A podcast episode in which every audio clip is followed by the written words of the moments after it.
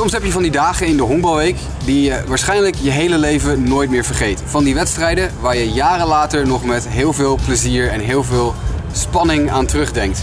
Ik denk dat vanavond zo'n wedstrijd was. Nederland won ongelooflijk knap in de laatste slagbeurt. Een walk-off overwinning tegen de Italianen. Het was genieten geblazen. Welkom bij Luistervoer. Ik ben Jasper Roos. Ik zit hier aan tafel met Dennis Duin. En een hele goede avond. Hey Dennis.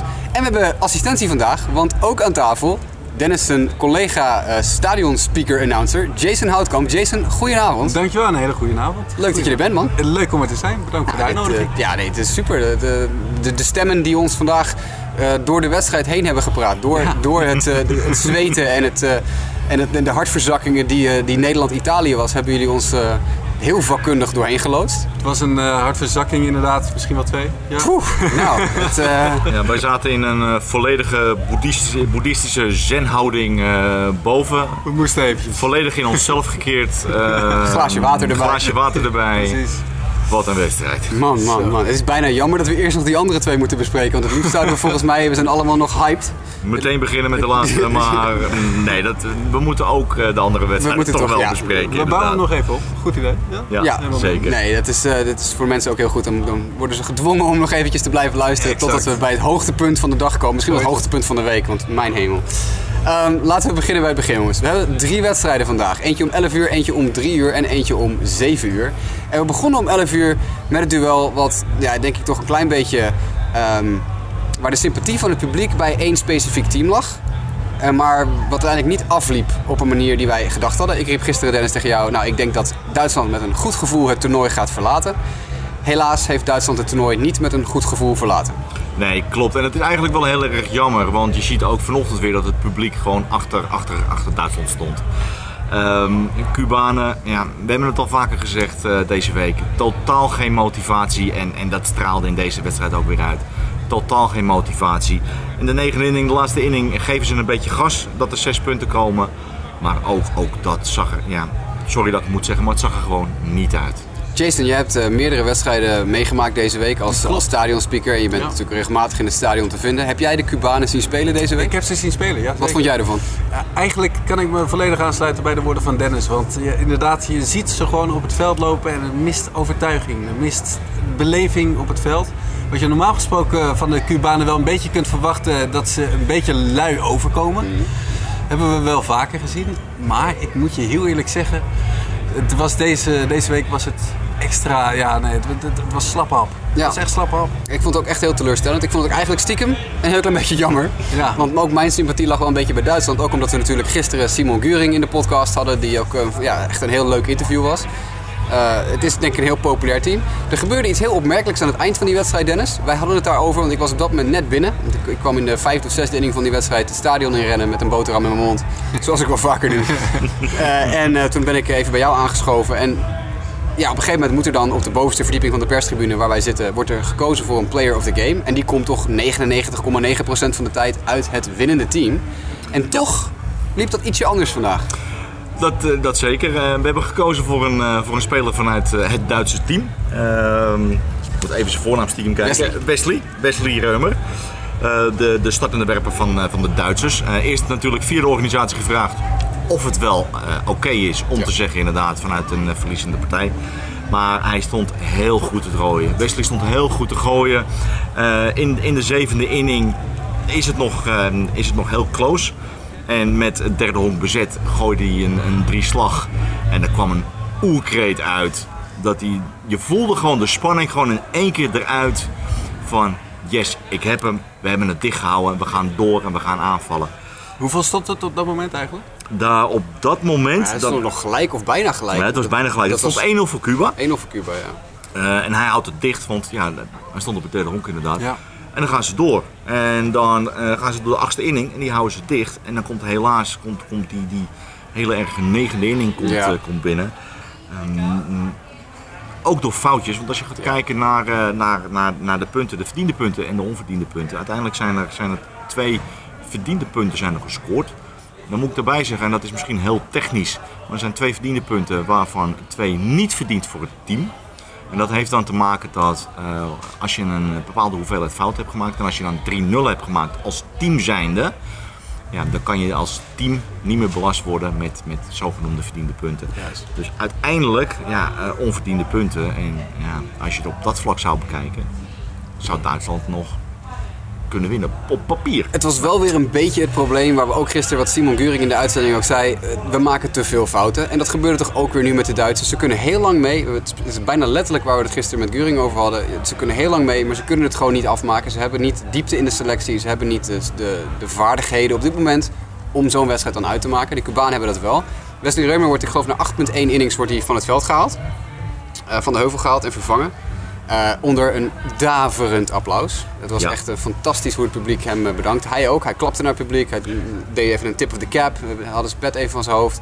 Eh, een van de betere eh, pitching exits die we gezien hebben deze week. Zeker, je zag gewoon dat hij straalde. Hij Ja. ging gewoon echt met plezier van de heuvel af. En, en dat was voor ons ook van het resultaat wat hij neerzette, eh, wat hij gegooid had. Eh, en, en ja, hoe de Cubanen spelen, de, de, de motivatie en, en ja, ook, ook vies spel. Ja. Eh, eh, in de vijfde inning zie je Blanco, die, die, eh, die slaat een stootslag. Die loopt dus naar het eerste honk toe. En op het laatste moment zet hij een sliding in.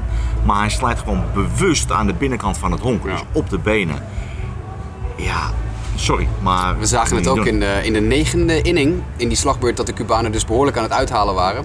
Komt een van die Cubanen aan slag, het is maar even ontschoten wie. En die stond overduidelijk aan slag met maar één idee. Ik wil of geraakt worden, of ik wil iets, iets uitspoken wat niet helemaal oké is. En eh, de homeplate scheidsrechter was, eh, was Peña vandaag, onze Spaanse eh gastscheidsrechter. En die deed op een gegeven moment zijn masker af. Die deed één stap richting die Cubaan. En die heeft hem in rad Spaans even verteld van... Je moet nou even ophouden, want deze shit doen we hier niet. En dat eh, nou, kon ik ook wel waarderen. Eh, Ja, zeker. En, en zie je ook, ik denk dat het grootste voordeel van, van die wedstrijd ook is geweest dat je een, eh, een Spaanse scheidsrechter hebt absoluut. gehad. Ja. Ehm, spreekt de taal en, en voelde het ook heel goed aan dat er wat moest gebeuren. En heel goed ingegrepen. Uiteindelijk, uiteindelijk dus wel eh, een verlies voor Duitsland.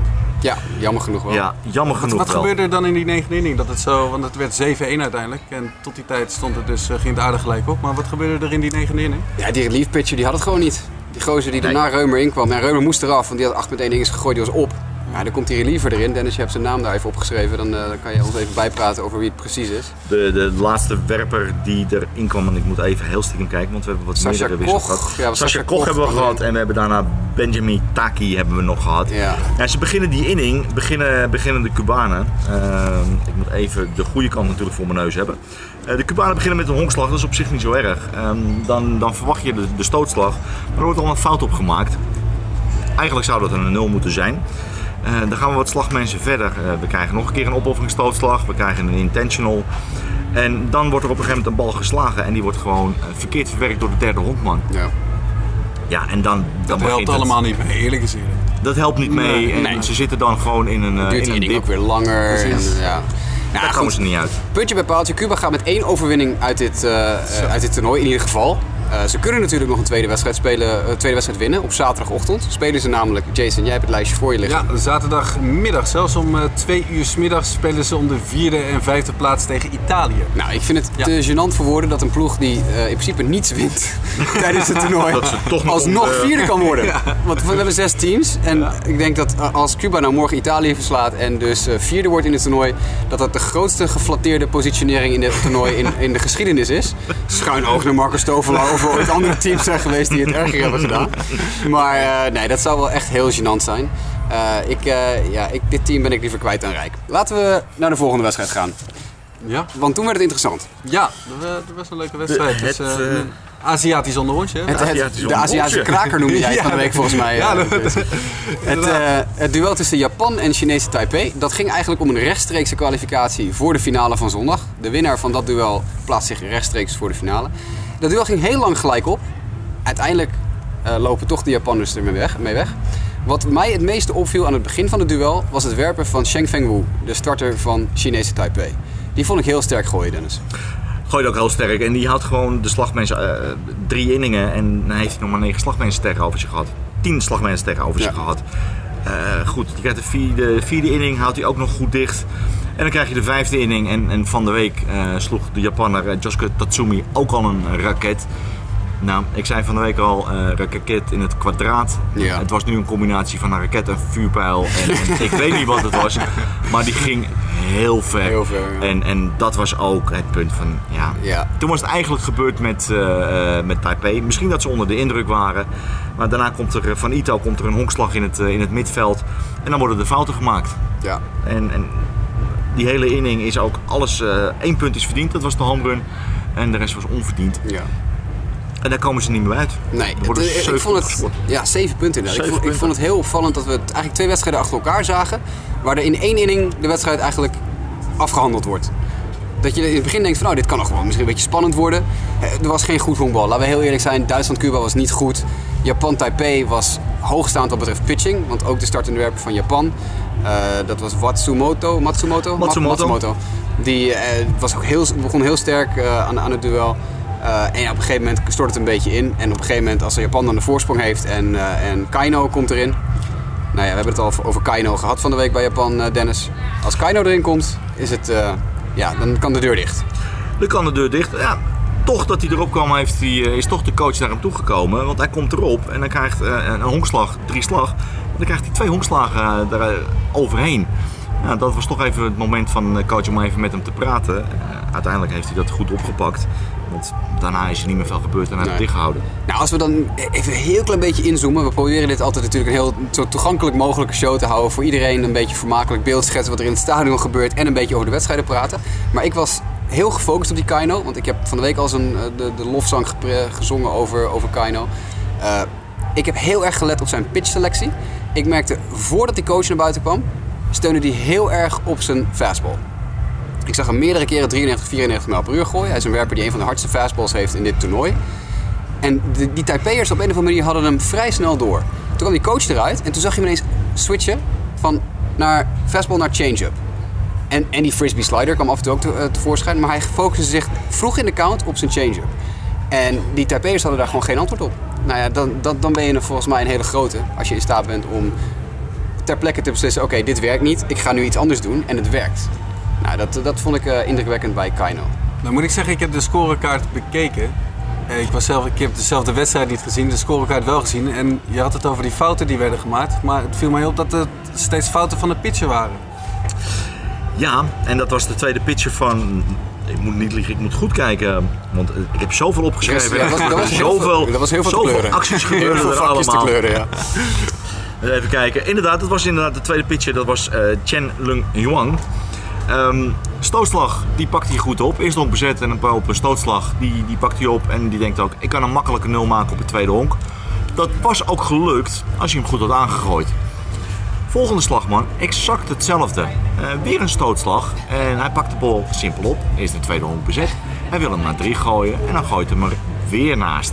Ja. Dus uiteindelijk heeft hij het zelf, heeft die pitcher heeft het zelf gedaan. Ja, ik vond die Guang eh, inderdaad niet heel, eh, niet heel sterk bij Taipei. Dat vond ik, vond ik jammer. Want ja, ik vond dit toch puntje bij paaltje. Ze zijn er niet uitgeschakeld. Er is nog steeds een kans dat ze de finale halen in de herkansing op zaterdag.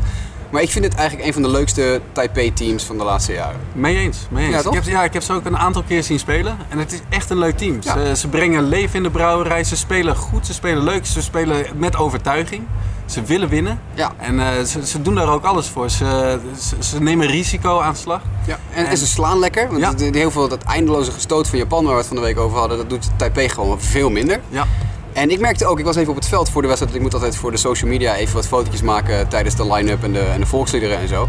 En ik liep vanuit het linksveld achter zeg maar, de home plate langs richting weer mijn uitgang om weer naar boven te gaan waar jullie allemaal ook zitten. Ja. En op dat moment stonden de vier scheidsrechters bij de thuisplaat.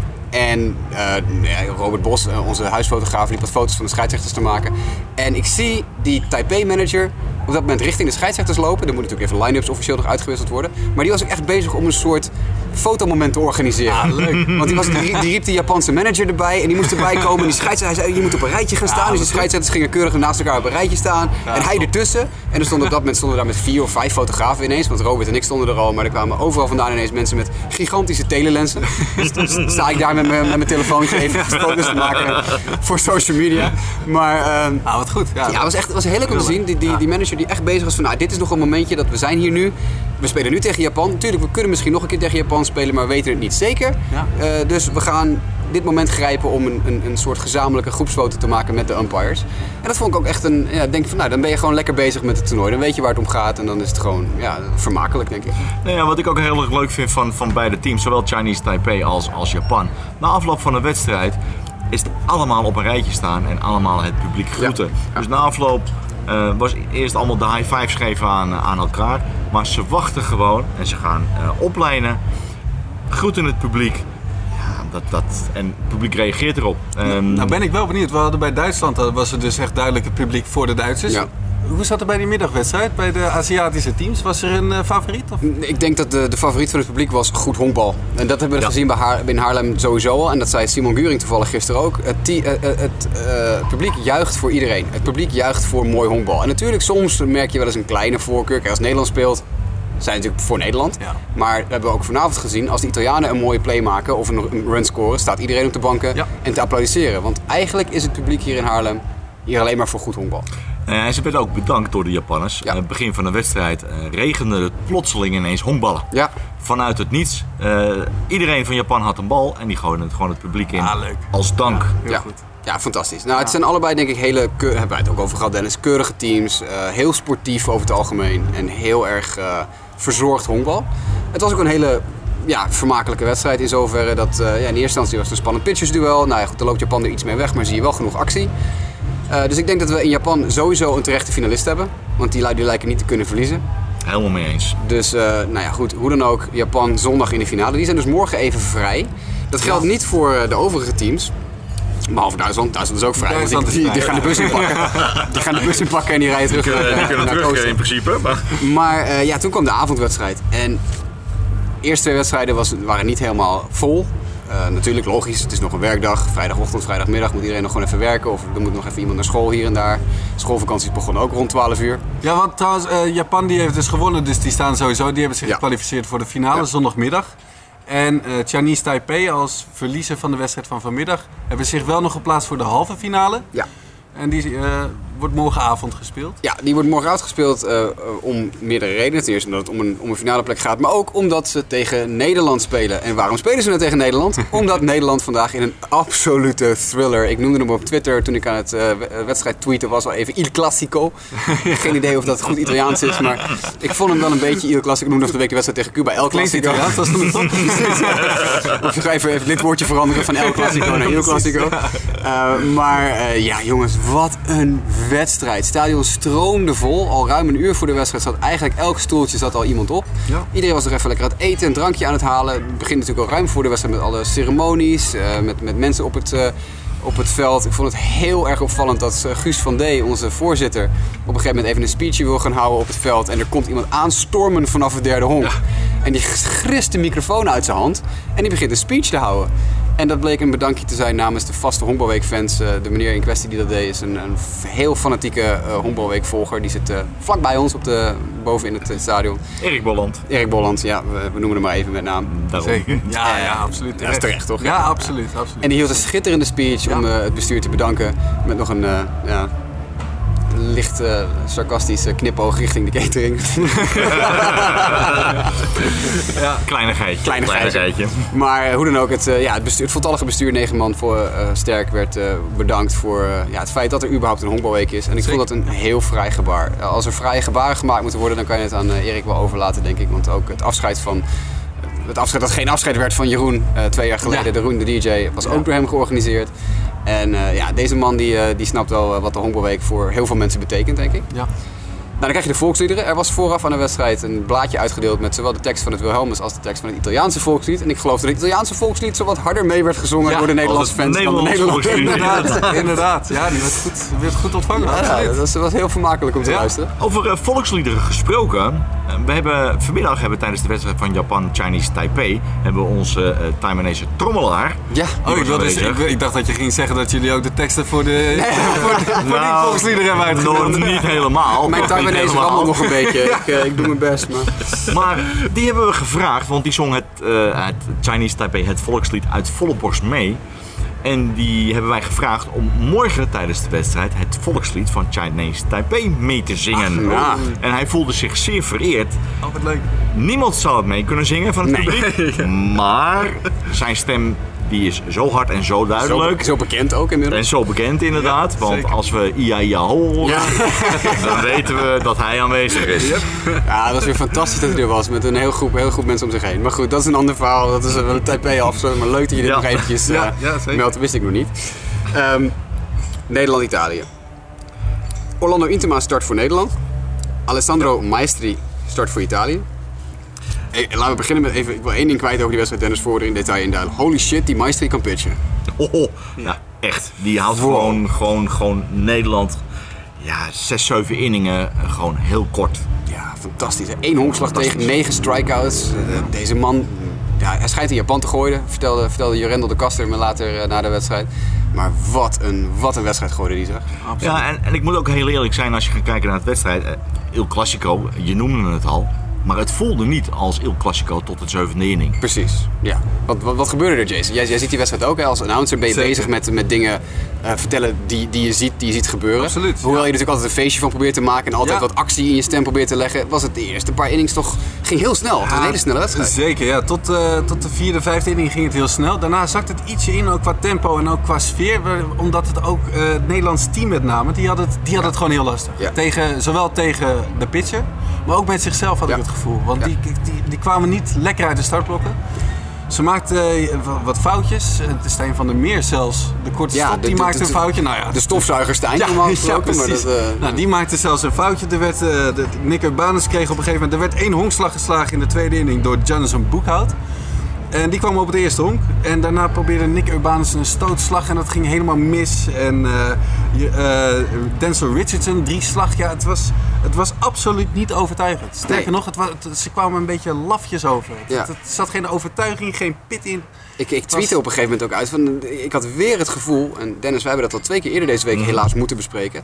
Zodra het Nederlands team een loper op de honken heeft, slaan ze helemaal dicht. Want het Nederlands team heeft een record aantal lopers achtergelaten op de honken in de eer- eerder in de week. Maar ook vandaag, iedere keer als er een loper of twee lopers op de honken waren, dat, het, het kwam nooit ergens. En dat is toch wel, misschien is dat juist Jason wat jij ook bedoelt, dat, dat Urbanus probeert een stootslagsoort van neer te leggen, maar het gaat niet helemaal lekker. Ja, die sloeg zichzelf voor zijn hoofd zelfs nadat hij hem probeerde Precies, neer te leggen. Dat, precies. dat tekent wel een beetje... Maar dat is toch een beetje misschien die angst die erin begint te kruipen bij die ploeg. Van oh shit, we zijn inderdaad wel heel veel lopen. We gaan, iets, we gaan proberen te forceren. Bijvoorbeeld met een stootslag. Ja. En dat is toch wel iets wat we nou ja, een beetje moeten vrezen misschien wel voor, voor morgen en over, voor zaterdag en zondag. Ehm, Nou ja, Jason, je, je zegt het terecht. De eerste stuk van de wedstrijd is eigenlijk heel snel gedaan. Italië scoort wel nog, heel vroeg in de wedstrijd. Klopt, ja klopt. Eh, in de tweede inning al. De eerste slagman die sloeg een honkslag en eh, die kwam eigenlijk, nou ja, het- niet heel overtuigend, maar die kwam wel door een wilde voorop nog op het tweede honk. En daarna werd, hij nog, er werd er een Velders keuze en dan kwam hij nog eens op het derde honk. Eh, nog een actie 4 naar 3. Ja, het was allemaal. Ja, het liep wel wat vol bij de Italianen, maar dat kwam ook door het twijfelachtige veldspel Ja, van Nederland. ja. Want niet alleen aan slag, maar ook in het veld twijfelachtig. Er leek toch druk. overtuigend. De- Ja, ja, ze leken absoluut niet wakker. Ik, eh, ik zei het later in het interview, wat zo meteen nog afgespeeld gaat worden met Jorendo de Castro ook, dat het stadion vandaag was echt pumping. Ik had letterlijk pijn in mijn oren. Ja. Ik, bedoel, nee, ik maak geen grap jongens. Ik, ik zat bovenin en er werd op een gegeven moment, tweede of derde inning al, een partij kabaal gemaakt Ja. door het vak naast me. Dat ik echt gewoon piepende oren had. ja. Dit was echt een sfeer die ik in heel lange tijd niet meegemaakt heb. Ja, ja. Nee, daarom was het ook wel jammer dat het zo rond de vierde, vijfde inning, ook vanwege het spel van Nederland, wat dus niet echt overtuigend was, zakte het ook op de tribune Ja. iets wat in. Dat was heel jammer, ook voor de wedstrijd. Maar ik moet heel eerlijk zeggen, daarna kaatste het wel met een noodgang weer terug. Want vanaf de zevende inning knalde het weer echt door het stadion heen. Echt geweldig. Orlando Intema, de starter van Nederland, was eh, niet dominant, maar wel heel goed. Hij was niet dominant in de zin van eh, veel strikeouts. Maar toch wist hij ook de Italianen redelijk onder controle te houden. De Nederlandse bullpen vandaag, Lars Huijer, Kevin Kelly. ehm, ik vond het erg indrukwekkend. Dennis. Zeker, waren zeker indrukwekkend. Nou moet ik er wel bij vertellen dat, dat Intema ook, ook last had van de slagzone van de scheidsrechter. Ja. Die, die was heel erg aan het zoeken. Eh slagzone van de scheidsrechter ging eigenlijk alle kanten op. Eh, Waar hij dus eigenlijk niet constant op gooien. Natuurlijk, als je weet dat een scheidsrechter bepaalde ballen niet geeft, kan je daarop instellen en dan kan je je op eh, aanpassen als werper. Het maakt alleen je leven wel een stuk moeilijker, want je moet eh, een aanpassing doen die je liever niet zou doen. Precies, Ja. Ja, en, en je zag het ook aan, aan reacties van eh, zowel de Italiaanse spelers als de Nederlandse spelers. Die hadden er gewoon, gewoon last van. Ballen die gecallt werden die in hun ogen niet waren, er geen slag waren. Maar ook andersom, uh, Dwayne Kemp kreeg een drie slag en, en je zag gewoon zijn reactie. Ja, irritatie. Dat, irritatie, daar ging niet mee eens. Maar hetzelfde geldt aan de Italiaanse kant. Dus ja. je kan ballen missen, prima. Uh, als je daarin constant bent, weet je dat, kan je daarop aanpassen. Maar je zag gewoon dat zowel de werpers als de slagmensen daar moeite mee hadden. Ja, nou, we zijn heel positief geweest over de scheidsrechters deze week. We geven ze heel veel credit, dus ze mogen best een keer een foutje maken. Maar het viel mij inderdaad vandaag ook op. Het, uh, het, het, droeg niet bij aan de feestvreugde, laat ik het zo zeggen. Dat, uh, dat, dat, misschien dat dat toch iets is wat uh, hopelijk geëvalueerd is na de ja, wedstrijd. Ja, en dan krijg je ook reacties vanuit, het team, vanuit ja. de teams. Wel, ook bij de teams hoor. Ik ja. zag ook Italië een paar keer naar ja, achterom kijken dat, het, dat ze het er niet mee eens waren. Maar met name bij Nederland waren ze het met veel calls niet eens. En dat, ook dat slaat over ook nog een beetje op het publiek. Nou wil ik uh, niks afschuiven op de, op de umpires helemaal niet. Want uh, ik denk dat Nederland met name in het eerste gedeelte van de wedstrijd... hebben ze gewoon helemaal aan zichzelf te danken dat ja, het niet absoluut. liep. Ja. Dus, uh, en ik moet eerlijk zeggen, een, er was in de derde inning was er een actie. Dwayne Kemp die sloeg een bal. En toen stond uh, Max Clarij stond op de honken, op het tweede honk. Nou, die was al onderweg. Ja, die was naar voorbij thuis... drie. Ja. ja. die was al voorbij, voorbij drie. En een fantastische vangbal van de linksvelder Nicola Garbella. Ja. Die, uh, die dook die bal naar die bal toe en die stond meteen op, gooide naar het tweede honk. Een geweldig dubbelspel. Ja, dus ja, dat, ja, wat die- dat betreft waren er wel een... En dat was nog maar de eerste van een paar Precies, geweldige want, acties. want die, die. Sebastiano Poma, die vangbal die Sebastiano Poma heel laat in de wedstrijd, achtste inning of zo, tegen Dwayne Kemp had. Ja, in het middenveld. Man, achtste inning, nou? Eh, Kemp die ramde die bal echt op de warning track in, Ja. het, in het centerfield. En Poma over zijn schouder. Ja, ja. Fabelachtig Ja. En dan vergeet je eigenlijk nu het belangrijkste moment van de wedstrijd te vertellen. En dat is namelijk de actie die Dwayne Kemp Van zelf maakte. Nou, je moet mijn tweet zien die ik eruit gooide toen dat gebeurde. Ik heb volgens mij drie keer in hoofdletters what a play, what a play, what a play getweet. Jemig, wat een, hij, was Ja. ook, hij was ook hyped. Hij was pumped. Absoluut, absoluut. Nou ja, en, en dat merk je ook. Dus eigenlijk ook het publiek met de zevende inning Nederland aan slag. Komt uh, Dudley Leonore komt de slag met de honkslag. En die komt uiteindelijk ook binnen op een honkslag van Jurindel de Kaster. Pinch hitter Jurendel de Kaster. Die hitter. op de eerste pitch die je ziet meteen een honkslag En die slaat. slaat. En dan komt Dudley en Leonore komt erop binnen. En je merkt gewoon, hé, hey, Nederland wordt wakker, maar ook het publiek Ja. wordt wakker. En je zag de reactie van Leonora. Je, je zag de reactie van Kemp al toen hij die play maakte waar Jason het over had. Ja. Hij, hij, hij ving die line drive en hij dook op het honk vooruit, headfirst richting het honk om de dubbelplay te maken. Ja, wat gebeurt er? Er wordt een line drive geslagen, echt langs het lijntje. Ja. Echt, nou, keihard. zelfs, ja, echt, echt hard. Echt hard. Dwayne Kemp moest ervoor duiken om hem te pakken. Geweldig, echt fantastische reactie.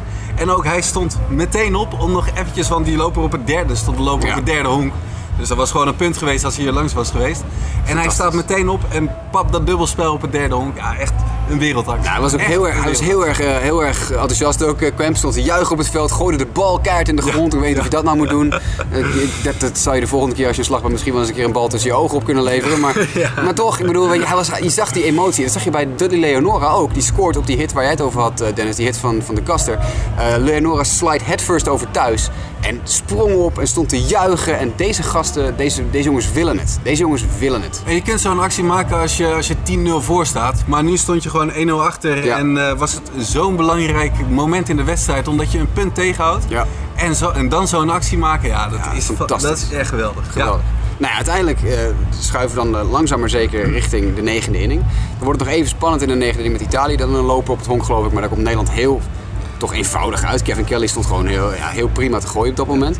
En dan komt die negende inning van Nederland. De Ja. tweede helft van de negende inning. En ik zat op de tribune. Ik zou je vertellen Dennis, voordat je gaat beginnen wat er daadwerkelijk gebeurd is. ik zit dan bovenin. Ik zit te tweeten en ik zit te, te, te social media en ik zit het wedstrijdverslag te schrijven en weet ik het allemaal. En spanning op dat moment echt ten top, hè? Oh man, je, kon, je voelde het, de elektriciteit door het Oh, stadion. oh, oh, Echt, iedereen stond op de banken. Iedereen was eh, helemaal van, oké, dit moet het worden. Ja. En kan het, kan het Nederlands team het ombuigen? En op dat moment moet ik op een gegeven moment gaan beslissen. Nederland heeft een, een loper op één. Er komt een tweede loper bij. Er komt een derde loper bij. Ja. De honken vol. Ja. En op dat moment moet ik gaan beslissen. niemand uit, hè? Niemand uit, honken vol. Durf ik het aan om met mijn veldmicrofoon naar beneden te lopen? Want ik moet straks een interviewtje doen met een speler op het veld. Ja. Maar als ik nu naar beneden ga, jinx ik het dan? ja. Nou, wij je hadden erbij exact gelopen? hetzelfde gevoel Ja, toch? boven ons. Dat is, ik zeg aan het einde van de achtste inning. Wat wij doen met, eh, met, met announcer is dat wij om de inning wisselen. Dus we doen een volledige inning en dan om en om. Nou, de achtste inning was, was in principe mijn laatste beurt. En ik zeg tegen Jason, Jason, ik ben er klaar mee. Jij maakt de wedstrijd gewoon af, want we gaan niet de tiende inning in. Van spanning? Klaar. met name de spanning. Voor spanning inderdaad. Dan kom je in een wedstrijd en tijdens de wedstrijd had ik aan Marco Stovelaar had ik al gevraagd van Marco, zou jij mij het programma van morgen willen geven? Want er zijn twee mogelijkheden. Nederland wint of Nederland verliest. Dus er ligt een briefje ligt er boven ons bij de microfoon. En er staat boven Nederland verliest. De regeling begint en Jason draait het briefje om naar Nederland wint. Ik zeg, nee, we gaan niet jinxen. Dus ik draai het briefje weer terug. Nederland verliest. Want daar ligt het, de halve wedstrijd ligt al. Nederland verliest ligt boven. Bovenop, ja. En dan gaan we dus de tweede helft van de negende inning in. Dus feitelijk gezien, Dennis, kunnen we constateren dat jij het Nederlands team vandaag met de Eigenlijk overwinning geholpen hebt. Nog heel simpel het blaadje om te draaien. Dankjewel Dennis. Nee, nee, het was echt... Oh, ik, stond, ik ben op een gegeven moment maar naar beneden gegaan. Ik ben naar beneden gegaan toen Nick Urbanus aan de slag stond. En dat was met de honken vol. Dennis, kan je ons even vertellen hoe de honken vol kwamen? Nou ja, Lampen die begint als openingsslagman. Die komt op de honken met, met vier wijd. En, en die schuift op door, dan door een doorgeschoten bal. Ehm, en dan komt er ook nog eens een keer een wilde worp overheen. Ja. Nou, dan heb je, heb je een derde honk bezet. Uh, Dudley Leonora komt ook op het honk door vier wijd. Door vier Maar dat was na een hele lange slag. Ja, ja, ja. Met allemaal foutballen en, en die spanning. Want inderdaad, toen stond eh, Lampen stond al op het derde honk. Ja. Dus was een hit was genoeg geweest. En hij bleef maar slaan. Foutbal. Foutbal, Nog- foutbal. Volle bak op een gegeven moment. En hij krijgt uiteindelijk inderdaad vier wijd. Ja. Hij, hij had een beetje eh, zoiets van, hé, hey, dat heb ik eerder gezien. Want van de week hebben we ook zo'n mega lange slagbeurt van Dudley Leonora gezien. Ja.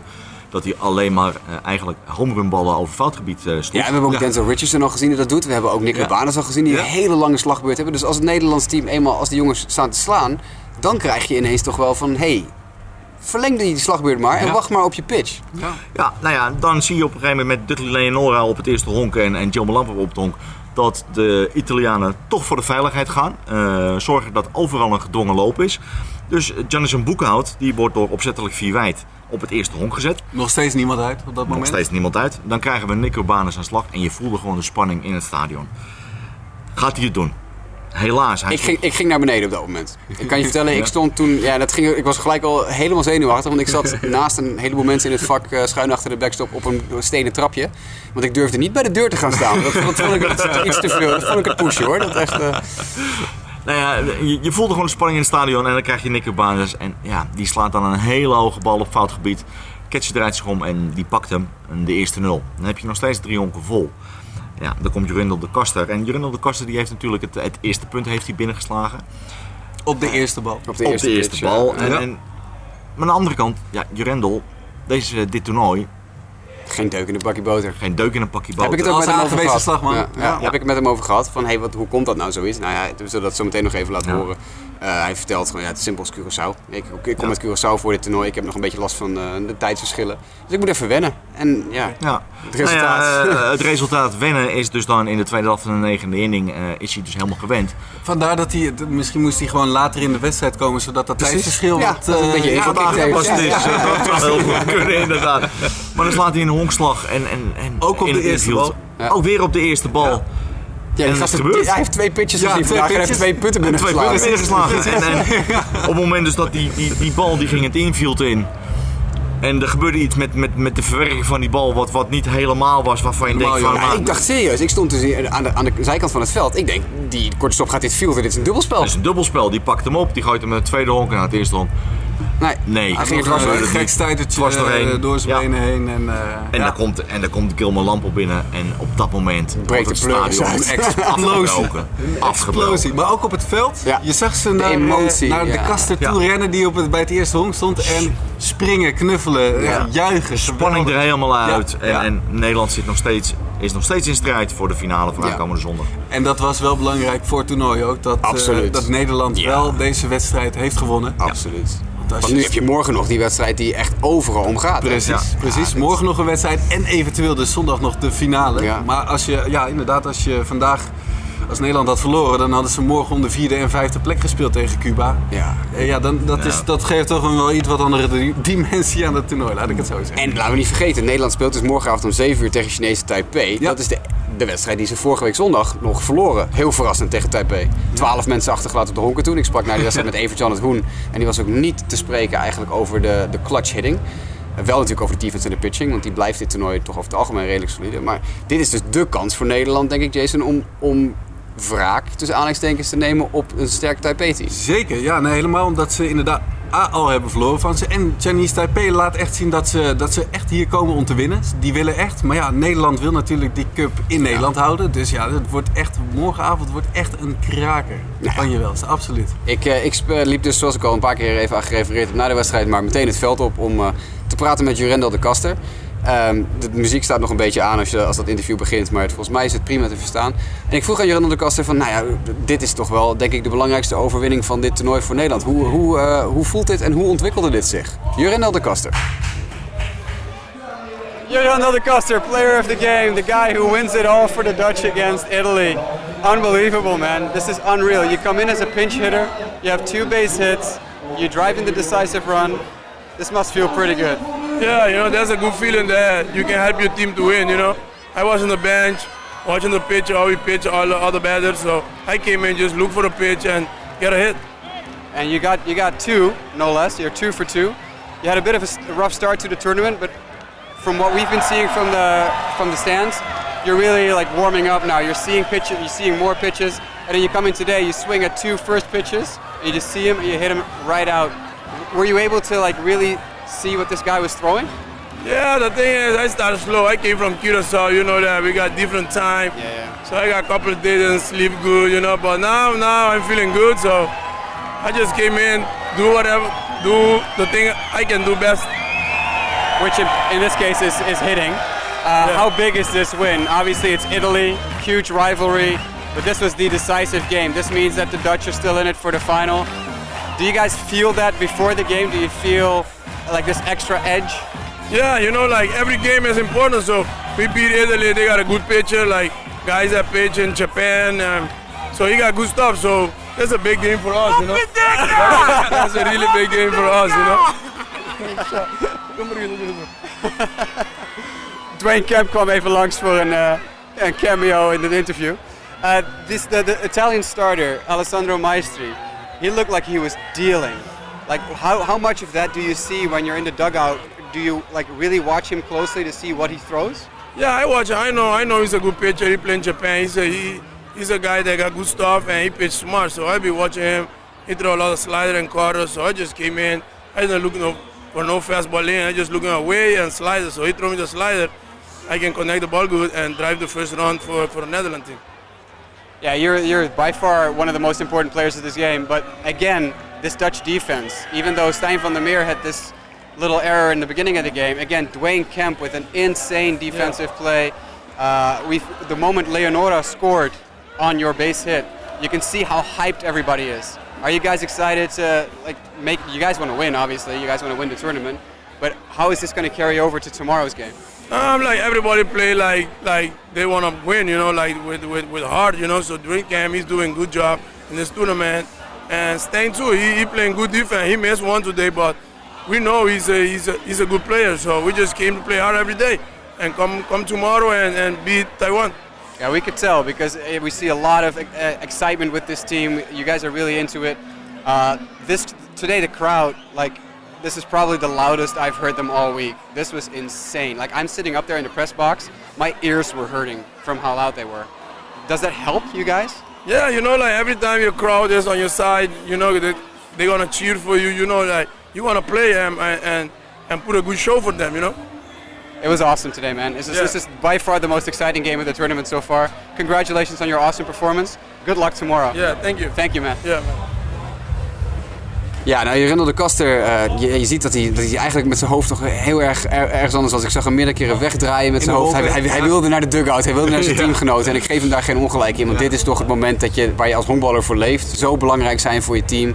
Als invaller in de wedstrijd komen en hem eigenlijk beslissen in het voordeel van je team twee keer. Ik zal het ze nog sterker vertellen. Ik heb hem uh, twee, een paar jaar geleden op het EK sloeg hij ook het winnende punt mhm. binnen tegen Spanje in de, in de EK-finale. Ja, ja, ja, ja, En dat was ook precies zo'n explosie. En eigenlijk voelde dit echt exact hetzelfde. Ja, Zoveel spanning zat er ook achter bij deze wedstrijd. Echt je, je, zag het bij hem ook. Hij was, hij was heel erg blij. Natuurlijk, ik had het even met hem over, over zijn moeilijke start aan het toernooi. En dit kan natuurlijk ook mensen dat hij echt warm begint te draaien. Eh, en, en ja, je ziet gewoon heel erg, dit is, dit is wel echt een team. Dit is echt, iedereen, elke dag staat er wel weer iemand op die belangrijk is voor het team. En dat kan denk ik in de rest van het toernooi denk alleen maar positief uitpakken. Denk het ook. Denk het ook. Met name ook dat je ziet uh, dat er zoveel veelzijdige spelers ja. uh, in het team zitten. Want op een gegeven moment kregen we wat wisselingen van, uh, van spelers. Nou, op een gegeven moment de midvelder ging naar links. De eerste honkman Dudley Leonora werd de korte stop. de kasten ging naar het eerste honk. Rashid Engelhard naar het rechtsveld. Remco Dreyer naar het midveld. Iedereen roteerde, en, maar iedereen je ziet wel dat ze zich wel comfortabel op, op meerdere posities voelen. Ja, nou, dat, is, precies waar we het met Stijn van der Meer van de week over had. Dit is eigenlijk een team wat op heel veel verschillende posities kunnen spelers uit de voeten. Ja. En dat is in dit geval denk ik heel positief uitgepakt. Jongens, ik ben, ik ben nog steeds hyped gewoon. Ik ben nog steeds gewoon hyped. Ja, zeker te weten. Dit is echt de mensen die dit nu luisteren thuis die deze wedstrijd gemist hebben. Die hebben echt serieus, die hebben echt een, echt een Il Classico gemist Absoluut, hoor. Ik wil niet zeggen, dit gaat echt de boek in. Morgen we hadden het er even over. Italië-Cuba, Jason, ochtend, of, uh, om twee uur s middags voor de vierde en vijfde plaats. Ja. Uh, doe jij, durf jij een voorspelling te doen? Uh, ik vond Italië vond ik sterk oog. Ik, weet, ik denk niet dat Maestri gaat pitchen nee. morgen. Dat, dat, gok ik zo van dat, niet. Dat valt er vast aan misschien, misschien, dat ze denken, nou die kan het op halve kracht ook. Maar ik denk niet dat dat gaat gebeuren. Maar ik moet zeggen, ik vind de pitching stuff van, of de, pitching, de pitches van Italië sowieso wel sterk. Ja. Uh, maar Cuba kan altijd uit zijn slof schieten. Uh, ik denk dat het vrij, een vrij close game zou kunnen gaan worden. Ik ga voor een 5-4 overwinning voor Italië. We krijgen zelfs een score, Dennis. Ja, ja zeker. Dat hebben wij nog gedaan. Wij niet gedurfd. Hartstikke nee, nee, nee, Schrijf maar op. Gooi erin, Dennis. Italië-Cuba, 54 plaats. Wat wordt het? Ik zeg geen uitslag, maar mijn gevoel zegt dat, uh, dat Italië gaat winnen. Ja, dat zegt mijn gevoel ook. Uh, inmiddels uh, heeft ook Marco Stovelaar een stoel, gep stoel gepakt en zit hij bij ons. Marco, durf jij een voorspelling aan tussen Italië en Cuba?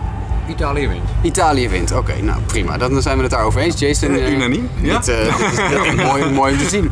En dan komt er natuurlijk morgenavond om 7 uur Chinese Taipei tegen Nederland voor een plek in de finale op zondag tegen Japan dit is een moeilijke, denk ik. Nederland gaat hem pakken. Nederland gaat hem pakken? Ja, Jij durft het aan? Ja, zeker. Ja, zeker. De, de, ze trekken de lijn van vandaag trekken ze door. Het goede gevoel nemen ze mee naar morgenavond. En deze gaan ze, ze gaan de finale in. En dan wordt uh, de finale Japan tegen Nederland. Ik uh, kijk met de schuin nog alvast even naar de man die schuin tegenover jou zit. Dat is Marco Stovelaar. Marco, wie gaat er starten morgen? Nou, voordat we, voordat we gaan beginnen met over starten. ik ben, wij, zaten, ik wij zaten gisteren in, uh, in de podcast-uitzending. En daar vroegen we exact dezelfde vraag. En vol overtuiging zegt Marco, die ook Mark, Mark wel. en we krijgen de line-up. En wat zien wij? Orlando Intema. Dus wederom in de, uh, in de ranking moeten we toch toegeven. Marco, je staat nog steeds op nul. Ja, ja, ja. ja. Ik dacht dat ik eentje goed had, maar... Uh... nee, morgen ga ik voor uh, Rob Kordemans. Oh, ik wil zeggen Michel Harksen. nee, morgen niet. Rob Kordemans. Rob Kordemans, die bewaren we niet voor de finale, voor een eventuele finale? Nee, nee, nee. Ja, winner go home morgen, ja. dus dan wil je natuurlijk je, ja, je veteraan op de heuvel hebben. Ja, dat zou wat zijn. Dennis, uh, Chinese Taipei, Nederland. Nederland gaat revanche pakken op, uh, yes. op de eerste ontmoeting. En, en yes, Queen. gaat winnen. Ik denk, het ook. ik denk het ook. Maar dat is misschien juist omdat ik in die, in die hype zit van vanavond nog. van die wedstrijd die Nederland nog uit het vuur weet te slepen. Voor de poorten van de hel heeft weggekaapt van uh, de Italianen. Vergeet niet dat Chinese Taipei morgenavond eigenlijk twee tegenstanders hebt. Dat is één het Nederlands team zelf en dat is het publiek. En dat is een hopelijk, het is nog niet helemaal uitverkocht, dus mensen kopen kaartjes. Ja. Uh, hopelijk een uitverkocht stadion waar iedereen uh, ja, net zo keihard lawaai maakt als ze vandaag gedaan hebben tegen Italië. Want inderdaad, die, uh, die, extra, die extra man achter je is denk ik ongelooflijk belangrijk. Uh, dat, kan, dat kan je over een doodpunt heen, heen helpen. Heb je vandaag ook gezien? Zoals het vandaag zag. Ja, ja precies. Nee, absoluut. Ja. De, ik denk ook dat het publiek dat uh, bij deze wedstrijd aanwezig was en nu deze podcast luistert, kan heel trots op zichzelf zijn, heel tevreden met zichzelf zijn voor de manier hoe ze zich hebben laten zien vandaag weer. Ja, absoluut. Ja, geweldig jongens. Oh, dit is, dit is, dit is man. Echt. Ik, ja, ik, ja. ik, ik, had, ik had moeite om tijdens de Chinese Taipei Japan eerder vandaag wakker te blijven. Want ik, ik had gewoon echt even heel zwaar. Ik had een paar wegtrekkertjes van Dennis de sms'en terwijl tijdens het van shit. Ik kan mijn ogen niet open houden. Red mij. Maar ik heb nou zoveel adrenaline door me heen stomen. Dat, dat is echt uh, ja, fantastisch. Uh, we gaan richting, uh, ja, denk ik toch wel een van de andere hoogtepunten van deze podcast elke dag weer. Namelijk de minuut van Marco. En Marco, dan moet je ietsje dichter bij de microfoon komen ja, zitten. Schuif, schuif, schuif gewoon lekker erbij. Normaal gesproken knippen en plakken we ons helemaal gek. Dat gaan we gewoon, gaan we gewoon niet doen vandaag. Nee, joh. Maar ik wil wel nog even de tune, want Marco heeft zijn eigen tune. Dat weten mensen inmiddels. Die ga ik zo meteen ook nog eventjes uh, eronder plakken. Maar Marco, ik, uh, ik ja, geef graag de microfoon aan jou voor de minuut van Marco. Dankjewel. Nou, we hebben het de, de afgelopen dagen al regelmatig over uh, scheidsrechters gehad. En een van de scheidsrechters die nu al als toeschouwer aanwezig is, is natuurlijk Fred van Groningen-Schinkel. Dat is de recordhouder. Hij heeft 16 honkbalweken gedaan. Maar in de beginjaren hadden we een aantal illustere, kleurrijke umpires als eh, Piet Schijvenaar en Co Hetem. Legendarische namen uit die jaren. Maar ook mensen die dus moesten wennen aan het stadion. Want dat was in 1963 voor het eerst opgeleverd. En toen eh, voor het eerst werd er een hongerweek hier gespeeld. Waarbij de lichtmasten toen in het veld stonden in plaats van erbuiten. Vooral Piet Schijvenaar stond bekend om allerlei anekdotes. En aan hem wordt ook toegeschreven dat er na 12 innings niet meer verder gespeeld wordt. Tijdens een competitiewedstrijd namelijk was er, was er een wedstrijd eh, in de 12e inning aangekomen. Toen zei Piet Schijvenaar, ik stop ermee, want mijn vrouw heeft het eten opstaan.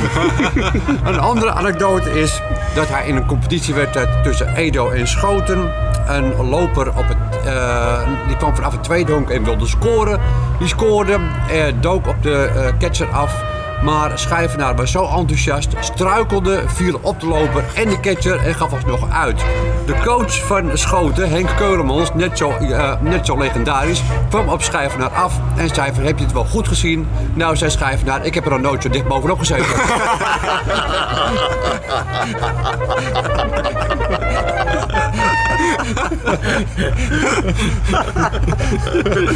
Oh, fantastisch, fantastisch.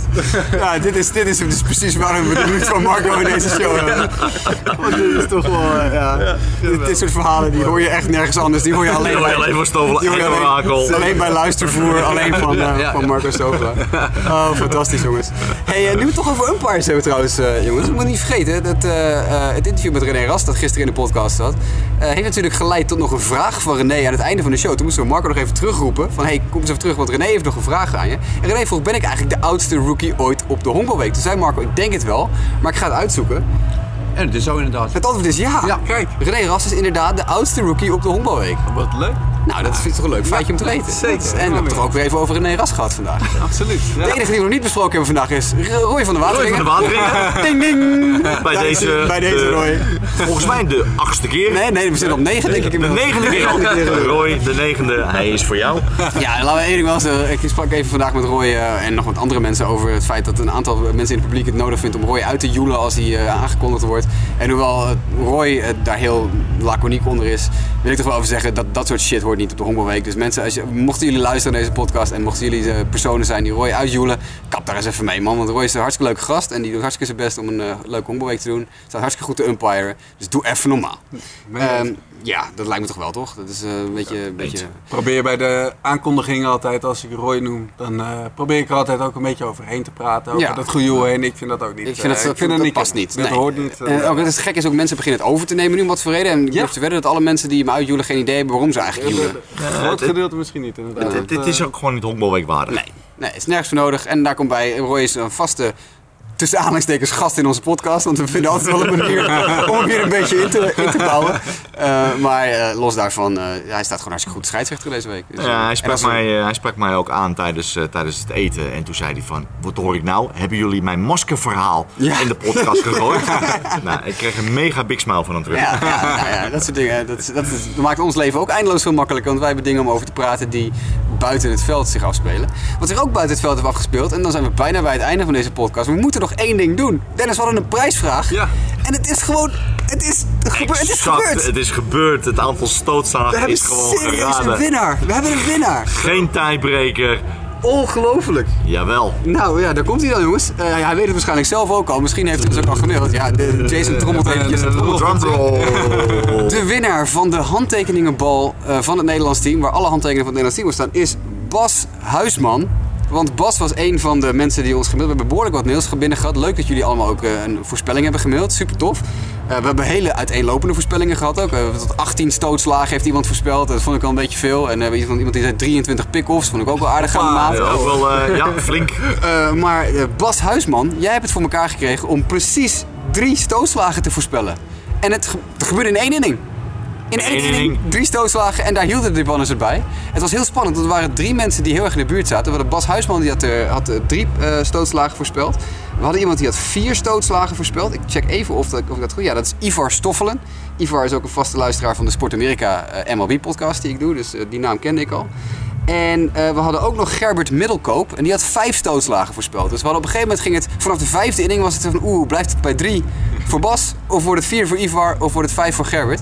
Nou, het is uiteindelijk bij 3 gebleven. Bas Huisman, van harte gefeliciteerd. Eh, mail ons eventjes jouw eh, adresgegevens. Mocht je nog in de Hommelweek, bij de zijn dit weekend, laat het dan ook even weten. Dan geven we de bal in het stadion aan je. Woon je in de buurt, kom even langs. Dat is ook prima. Maar woon je niet in de buurt en kom je ook niet in de Hommelweek, eh, stuur ons even je adres door. Dan sturen wij de handtekeningenbal van het Nederlands team naar jouw huisadres op. Van harte gefeliciteerd. Zeker, zeker. Mag ik nog één ding zeggen? Jason, je mag nog wel twee dingen zeggen. ook. Oh, nou ja, ik vond het namelijk ook wel heel erg leuk. Voor, eh, voorafgaand aan de wedstrijd was de eerste bal die werd gegooid door Kitty van Geelst. En dat maakte ons toch wel een soort van plaatsvervangend trots dat Kitty van Geelst dat eh, mocht doen als announcer. En eh, inderdaad al 30, je- 30 jaar bij Ja, de jubileum. betrokken. Ja, echt geweldig. Dus Ik denk dat, eh, dat er op dit moment heel veel mensen in het stadion zitten die de stem van Kitty eh, direct identificeren met de Honkbalweek. Zeker. En dat is wat. Streef je daar ook naar, Jason? 30 jaar? Ja, zeker. Jason denkt ook, kijk wel uit wat ik nu zeg. Dennis, hoeveel jaar, hoeveel jaar ben jij nu announcer? Eh, nou, dit is mijn tweede toernooi. Tweede toernooi. Ja, Ja. Dus je hebt nog even te gaan. Ik heb nog even te gaan voor de hebben, we 30. hebben natuurlijk een aantal legendarische stemmen gehad hier. We hebben, we hebben Peter van Deursen hebben we nog, die ook al heel wat jaren hier zit. Dus Tiende jaar. Het is het tiende jaar. Tiende Ja. Dus het twintigste jaar. Fantastisch. Zo. Geweldig. Is eh, Yvonne de Vries met 15. Ja, Yvonne de Vries, eh, dat, dat, is Vorig mijn, jaar, dat is voor mij jaar altijd ook, eh, ja, dat Ja. is de stem van mijn jeugd, in grote mate. Voor mij ook, ja. Echt, echt fantastisch, ook een hele leuke vrouw. Komt regelmatig Ja, even bij ons zitten. Ik vind het heel jammer dat ze gestopt is. Ehm, ja jongens, dit, is, dit was hem weer. Fantastische dag gehad. Ik vind het ontzettend leuk dat ik hier vandaag... Normaal gesproken zit ik met Dennis alleen en zit Marco een beetje op de achtergrond... een beetje ons uit te lachen als we weer onzin uitkramen. Maar vandaag zaten we echt met z'n vieren om een tafel heen. Ja. Jason, ontzettend bedankt dat je aan wilde schuiven. Heel graag gedaan. Superleuk. Waar genoeg. Zeker. Kom je dit weekend, heb je nog een eh, announcer duty of ben je klaar voor deze Zeker. onderweek? Nee, ja, morgen heb ik een volle dag. Smiddags en s avonds. Dus, Nou ja. mensen, mocht je naar het stadion komen op zaterdag, dan eh, hoor je dus in ieder geval Jason bij twee wedstrijden. Dennis, Ja. eh, sta jij nog op de rol? Morgenmiddag gezellig met Jason eh, de twee uur wedstrijd. Nou, dat, dat vind ik heel fijn. Vooral omdat je, dat betekent dat je dus 's avonds bij mij zit. Inderdaad. Dat, dat- ik heb je wel een beetje gemist vandaag. Morgen dus om 2 uur Italië-Cuba en om 7 uur Chinese Taipei tegen Chinese TV tegen Nederland, Yes. inderdaad. Nou ja, het, eh, Dennis had vandaag drie wedstrijden die hij moest announcen en een podcast. Eh, hij had een berg antifloetjes op voor, voor zich op slot. Ja, met, met dank vanuit het publiek vandaan, want ik kreeg gewoon vanuit het publiek kreeg ik de antifloetjes. ja. Geweldig. En dat heeft zeker geholpen. En natuurlijk water werd ik voorzien. Water, dus dat ja. heeft ook heel erg geholpen. We zullen het zien. Vanavond voor ik naar bed ga nog even een stripseltje. En dan Ja, zijn we- moet- dan moet het goed komen. Zijn we er morgen weer helemaal klaar voor. Ja, Ik, eh, ik heb er ontzettend veel zin in. Eh, Marco, superleuk dat jij ook dicht bij de microfoon zat vandaag en, en een soort van participeerde in deze eh, aflevering.